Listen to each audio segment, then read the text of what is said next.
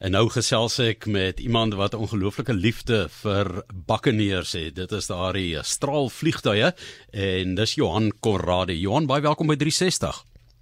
Ja, baie dankie Johan. Dis 'n voorreg. Ja, is lekker om met jou te gesels. Iemand wat glad nie in 'n lugvaart beroep was nie, né? Dis reg ja. Dis reg. Nou hoe ontwikkel 'n mens dan nou 'n uh, stokperdjie, 'n belangstelling, 'n liefde vir die bakkeneer? Johan, dit kom nou al van kleintyd af want ek meen ek het aan die Weskus groot geword en daar die daaglikse daar lugmagvliegtuie oor die dorp gevlieg toe ek in die laerskool was daar. En uit die aard van die saak het ek 'n liefde ontwikkel vir lugvaart vir, vir, vir spesifiek die lugmagse vliegtuie. En op daai stadium van my lewe was ek nog nie eens bewus van 'n vliegtuig soos die bakkeneer nie. En uh dit was eendag uh, uh ek was net in die, in die hoërskool, dit was eendag 'n voortrekker kamp gedoen by uh by Visantekraal. En toe kom daar 'n vliegtuig oorgevlieg teen 'n verskriklike spoed laag oor die aanloopbaan en hy het gedraai en het weer verbygekom en hy het daar weggeklim met twee rookstrepe agter die agter die engines uit. En dit was die eerste keer in my lewe wat ek 'n bakkeneer gesien het en dit het 'n baie groot indruk op my gemaak. Nou kyk jy Ja. Nee, jy's in die finansiële wêreld, né? So ou moet ta taamlik lank in die finansiële wêreld wees voordat jy kan bakkeneers koop, né? Ja, nee, definitief. Ek sal dit ek sal dit in elk geval nooit kan bekostig nie so met dan dit maar net van 'n afstand af uh, kyk en belangstel en liefie is daarvoor. Kom ons gaan kyk gou na die Suid-Afrikaanse vloot van vliegtuie wat die lugmag ja. aangekoop het. Dit was in die 60er jare. Dis reg ja. Kyk, hulle hulle het hier in die vroeë 60er jare het hulle 'n strategiese studie gedoen om te bepaal uh, hoe moet die lugmag van die toekoms lyk. En uh, daar is toe verskeie vliegtuie geïdentifiseer, onder andere die Mirage 3, die Delta vlieg vliegtuig wat in 1963 in diens gekom het. En onder andere het hulle die bakkeneer geïdentifiseer as 'n behoefte vir maritieme aanval want hy was spesifiek daarvoor ontwerp deur die Britte om teen die Russiese uh, vaartuie moontlik in 'n oorlog betrokke te raak en hulle aan te val. Want hy was ontwerp om om om om laag te vlieg, baie laag oor lang afstande. En wat hulle noem, hy kon eintlik onder die radar vlieg. In ander woorde, 'n radar het hom nie maklik opgetel vir die feit dat hy so laag gevlieg het nie. Maar boonbehalwe dit het die lugmag ook uh, uh nog verdere Mirages aangekoop en hulle het ook Canberra uh, uh bomwerpers aangekoop eintlik voordat die bakkeneers gekoop het want dit sou gebruik word om die bakkeneervlieg hier eers touwys te maak om 'n om 'n twee enjin straler te kan vlieg voor hulle nou opgradeer na die bakkeneers toe. Maar op die einde van die dag uh het die Canberra's toe in, in diens gebly tot en met 1991 toe die lugmag afgeskaal het. En die bakkeneers um in die begin 60er jare bestel en toe het hulle dit gaan haal. Ek dink dit was 1965, né? Nee? Ja, hulle hulle hulle het uh, einde 64 het daar 3 drie vlieëniers oorgegaan om om om uh, omskakelingskursusse te doen op die op die op die bakkeneer wat toe in diens was by die Britse by die Britse vloot. En later van tyd het nog uh uh vyf vlieëniers plus die navigators het ook by hulle aangesluit en natuurlik die grondbemanning het almal hulle opleiding daar gekry want die bakkeneer was al 'n redelike ingewikkelde vliegtyg om te onderhou. En hulle het toe op die 27ste Oktober 1965 het hulle die eerste formasie, dit was ag bakkeneers het hulle uh, gevlieg vanaf Brittanje af met 'n spesifieke roete laas tot hulle die 3 November het hulle geland op Waterkloof. En die die ander ag bakkeneers is in die aard van die saak is hulle per skip oorgebring. Maar is dit nie so dat net 7 geland het met daai eerste Ja, ja daar het daar het ongelukkige ongeluk gebeur op pad huis toe. Want hulle het by by by Sal Island daar in die Kaap Verde eilande het hulle uh, wat hulle noem herbunkering, hulle het weer brandstof ingeneem daar by die langskof wat nou na Ascension Island toe gaan. En uh, hulle het in twee formasies opgestyg, die uh, van vier vliegtye elk. En in die tweede formasie het hulle so omtrent so ek skat dit was omtrent so 50 45 50 minute na hulle opgestyg het het hulle daar in 'n in 'n wolkformasies uh, ingevlieg en toe uit die aard van die saak moes hulle wat hulle noem uh, in Engels nou 'n separation drill doen En hulle word die vliegtye beweeg uitmekaar uit vir die veiligheid. En toe hulle nou aan die ander kant die wolkformasie uitkom, toe het die leier die vliegtye nou gevra om nou weer uh op hom te vorm. En die een vliegtyg het toe nou uh 'n bietjie skerp ingedraai. en sy perke oorskry op daai hoogte en as ook gevolg van die die swaar brandstoflading wat hulle gedra het. En toe die vliegtuig wat hulle noem 'n hoë spoedstol ingegaan. Uh sy het gelig, daar was nie meer lugvloei oor die engines nie en beide engines het gestaak en toe die vliegtuig afgewend see toe. En die twee bemanningslede was toe nog genoodsaak om uit te skiet oor die oop oseaan. Hulle het oorleef, né? Ja, hulle het oorleef want die lugmag was baie goed voorberei daarvoor want hulle twee van ons Shackleton vliegtuie wat by 35 skade was, was een gestasioneer by Ascension Island en die ander een was gestasioneer by in Bissau. vir juis as daar so iets sou gebeur en die oomblik toe daai Mayday uh radio sein deurkom dat die bakkeneer af in die see is, toe het dit onmiddellik natuurlik die geweldige soek en reddingsoperasie in die gang gesit. En die Shackleton in Bissau het toe onmiddellik uh opgestyg en ek meen dit was omtrent seker 'n goeie 3 en 'n half uur vlug voor hy by die teikengebied aankom. En generaal Mike Miller wat die en hy en Brigadier ag Theo de Minnik wat die leier was op van daai formasie hulle het so lank rondgevlieg om te kyk of hulle nie die die bemanningslede in die see kon gewaar nie. Maar toe hulle uit die aard van die saak nou laag is op brandstof toe moes hulle weer terugvlieg uh, Sal Island toe. En die bemanning het agterna gesien hulle het die bakkeneer het 'n entjie bo hulle verby gevlieg maar ek meen hulle kon hulle op een of ander rede nie sien nie. En uh, toe hulle nou deur die nag gesoek en hier in vroeë môre ure het een van die een van die Shackletons deur die bemanning opgespoor en vir hulle 'n groot reddingsboei neergelaat sodat hulle dan veilig daar in kon klim. En toe hulle uh, toe hulle 'n uh, 'n uh, 'n uh, Hollandse vragskip die SS Randfontein wat op pad was Kaap toe, hulle toe met hom geradio gevra of hy nou sal afwyk van sy koers af om die twee bemanningslede uit die see uit te gaan oppik wat toe wel suksesvol gebeur het en nou ja, daarvan af aan met die die die vlug huis toe met die sewe oorblywende bakkeneers was daar nog geen probleme nie en hulle het nou uh, hulle het so in hierdie agtermiddag het hulle op waterkloof geland. Ja, maar as 'n dier 'n dier verlies sommer daardie heel eerste ja, poging, maar ja, maar ja. een van die manne leef nog, né? Ja, kyk uh uh Martin Jooste, hy's 'n paar jaar gelede, hy was die vlieënier, hy's 'n paar jaar gelede aan kanker oorlede.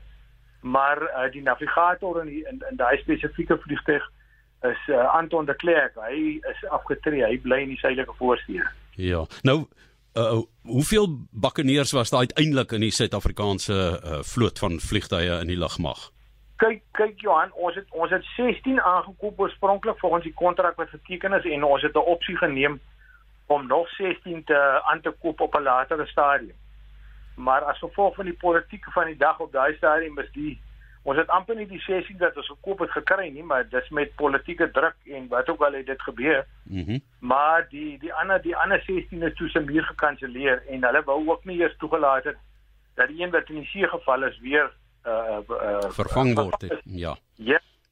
En so ons het toe met die 16 aangegaan en uh, uh hulle het baie groot bydrae gemaak en kyk hulle was is uh, uit 'n strategiese oogpunt uit was die bakkeneer eintlik 'n baie uh, uh, uh, hoe sou ek nou sê hy was 'n waardevolle uh, vliegtuig in die lugmag se uh, se arsenaal want ek meen nou uh, uh, hy het seker unieke eienskappe gehad wat hom uh, kyk hy kon byvoorbeeld uh, brandstof in die lug inneem en as hulle as hulle 'n uh, uh, brandstof hervul uh, gondel onder sy vlek sit en 'n ekstra brandstoftank onder die vlek en ook een binne in sy roterende bombak dan kon hy ander bakkeneers in die lug ook van brandstof voorsien. En hulle kon hom toerus met 'n kamera waarop hy dan nou uitvlugte doen en sekere strategiese teikens afneem. En hy kon 'n redelike goeie bomvrag dra oor lange afstande en uh, sy ding doen ag spesifiek op lae hoogte want dis eintlik waarvoor hy ontwerp was en dis mense nou met die met die lugbemanning gesels wat eh, wat die bakkeneer gevlieg het, dan hulle vir jou sê daar was niks beter op lae hoogte as 'n bakkeneer want ek meen jy ken nou jy het al baie gevlieg. Jy ken daai keer men ken merkende skud van 'n vliegtuig as hy deur turbulensie gaan. Nou die bakkeneer het daai met 'n glimlag op sy gesig gevat en jy het nie meer gevoel nie. So hy... wat watter hoogte het die bakkeneer eintlik sy operasionele taak verrig?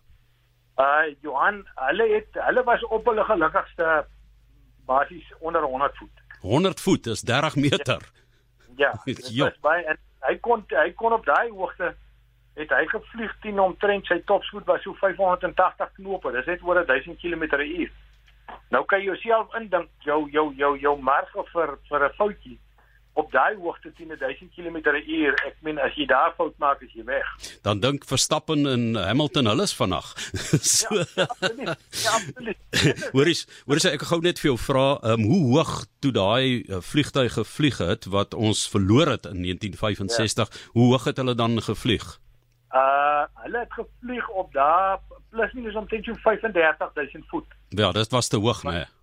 Ja, kyk, hy is nie eintlik regtig ontwerp gewees vir daai hoogte nie omdat hy 'n relatiewe kort vlerke het en hy is geontwerp vir lae hoogte, maar ek meen hulle het nog gedink op daai hoogte dan is as jy ouers daar vlieg, dan is dit eintlik goed vir brandstofbesparing want ek meen die vliegtye is ligter op brandstof as hulle daar bo vlieg. Ja. Maar uh, nou ja, toe dit nou nie en almal se guns gewerk op daai stadium. Toe ons gesels met Johan Corradi, hy's 'n liefhebber van die bakkeneer. Hy het ook boeke geskryf, 3 boeke geskryf. Hy's besig met sy 4de boek oor daardie ja. vloot van 16 van die bakkeneers wat sy verbeelding aangegryp het. Mense kan ure met hom ja. daaroor praat, maar ons tyd is besig om uit te loop. So ek wil net vir jou vra, ehm um, jy het ook internasionaal aandag getrek met jou navorsing en skryfwerk in Engeland. Het jou met 'n spesiale ja. lidmaatskap vereer, né?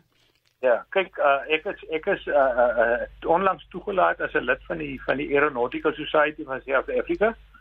En ek is ook deel gemaak van die Buccaneer Aircrew Association. Want jy sal nie glo nie na al die jare wat die Buccaneer meer in diens is, is hulle nog 'n baie lewendige organisasie as gevolg van die liefde wat die mense vir die vliegtuig gehad het. Jy weet wat hom gevlieg het en ewen die grondbemanning ook so Hulle is nog baie lewendig en ek meen die die die die boeke alhoewel dit eintlik maar vir 'n nismark bedoel is, ek meen almal sê dit daarin belang nie. Is baie goed ontvang deur mense wat uh wat ook 'n liefde het vir die bakkeneer. Johan, ek wil ook noem, ek wil ook net vanaand noem dat daai daai hele skrywe van die boeke het uh vir my 12 jaar gevat om te voltooi. Ja, want jy die hele al 16 vliegtye se geskiedenis eintlik gevolg en so wanneer is ja. die vloot toe nou finaal uitgefaseer, die bakkeneer ja. uit die lugmag? Kyk uh, Johan as gevolg van die afskaling van die lugmag in uh, uh, na die die einde van die Bosoorlog en die lugmag afgeskaal in 1991 is verskeie vliegtye uit die lugmag uit aan diens onttrek. Onder andere die bakkeneer is toe ook aan diens onttrek. Daar was daar was sprake dat hulle op daai stelling gedink het om die bakkeneers miskien langer in diens te hou maar ek meen daar was net vyf vliegtye oor op die einde en ek meen om hulle om hulle op te gradeer en in stand te hou het eintlik te baie geld gekos en daar het maar besluit hulle onttrek hulle ook maar aan diens. Nou, is daar nog enige van hierdie bakkeneers oor in Suid-Afrika wat iewers op 'n skrootwerf of 'n museum of um, dalk nog operasioneel is? Nee, kyk, hulle is nie een meer operasioneel nie, maar daar's een bakkeneer op uitstalling by die by die by die nasionale uh, militêre museum by Saxon World daar in Johannesburg. En dan is daar twee by by Swartkop uh by die Lugmag Museum. Een staan daar op uitstalling en die ander een is hulle besig om 'n bietjie skoon te maak en reg te maak en uh op te knap oor ook vir uitstalling. En dan is daar een by Waterkloof Lugmag uh, uh, is hy daar op op op 'n paal of uh, opgesit vir as nou uh, sê maar so die ouens sê ek wag. En dan is daar een hier onder in die Kaap by die Lugmag Museum Hy het vir jare lank was hy by Thunder City en daarna het hulle hom uitgestoot by die oorkant by die militêre deel van die van die van die uh lugmag uh, ag van die Kaapse internasionale lughawe. En daar het hy vir 7 jaar buite gestaan en omtrent verweer en toe die ouens op die einde van die dag besluit om hom terug te bring uit ter plaas toe. En toe daar baie 'n baie aangename en 'n intelligente jong man by die naam van Jonathan Durant. Hy het 'n cyber ook gerestoreer vir uitstalling en hy het toe die bakkeneer onder sy hande geneem met sy met sy toegewyde span en ek moet sê hulle het 'n geweldige knap werk gedoen. Hulle is nog nie klaar met die projek nie, maar uh, mense kan gerus die, die museum is daar van Saterdagoggend en 9uur tot op 10:12 se kant oop. So mense kan gerus gaan kyk daar. Is nog al 'n klomp vliegtye op uitstalling daar. Dit is baie interessant om dit by te woon. Sal daar ooit weer 'n bakkeneer in Suid-Afrika wees wat vlieg dink jy? Ja, kyk kyk by by by Sander City het uh hulle het drie bakkeneers. Dis toevallig die laaste drie bakkeneers wat gebou is en hulle was nooit operasioneel aangewend nie, maar hulle was by by die Engelse toetsvlieg en ontwikkelingsentrum se aangewend. Uh toe uh, Mike Beachy het toe hy Thunder City begin het, het, het, het die drie bakkeneers gekoop by die by die Britte toe hulle hulle aan diens onttrek het. En uh, hulle het vir jare lank hier gevlieg. En ons het altyd verskriklik geniet om te kyk op die op die op die lugskoue. Nou toe die besigheid nou eintlik al tot stilstand gekom 'n paar jaar gelede. En uh, ek verstaan dat daar is 'n nuwe eienaar vir die vir die vir die uh, Sander City en en en en hulle het nou die dag toevallig het ek 'n video gesien wat een van die bakkeneers gestart het. En uh ek ek ek hoop maar ek hoop regtig daar's planne in die toekoms om dalk miskien een van hulle weer in die lig te kry om deel te neem aan die ligskool want dit sal reg baie aangenaam wees. Op www.rsg.co.za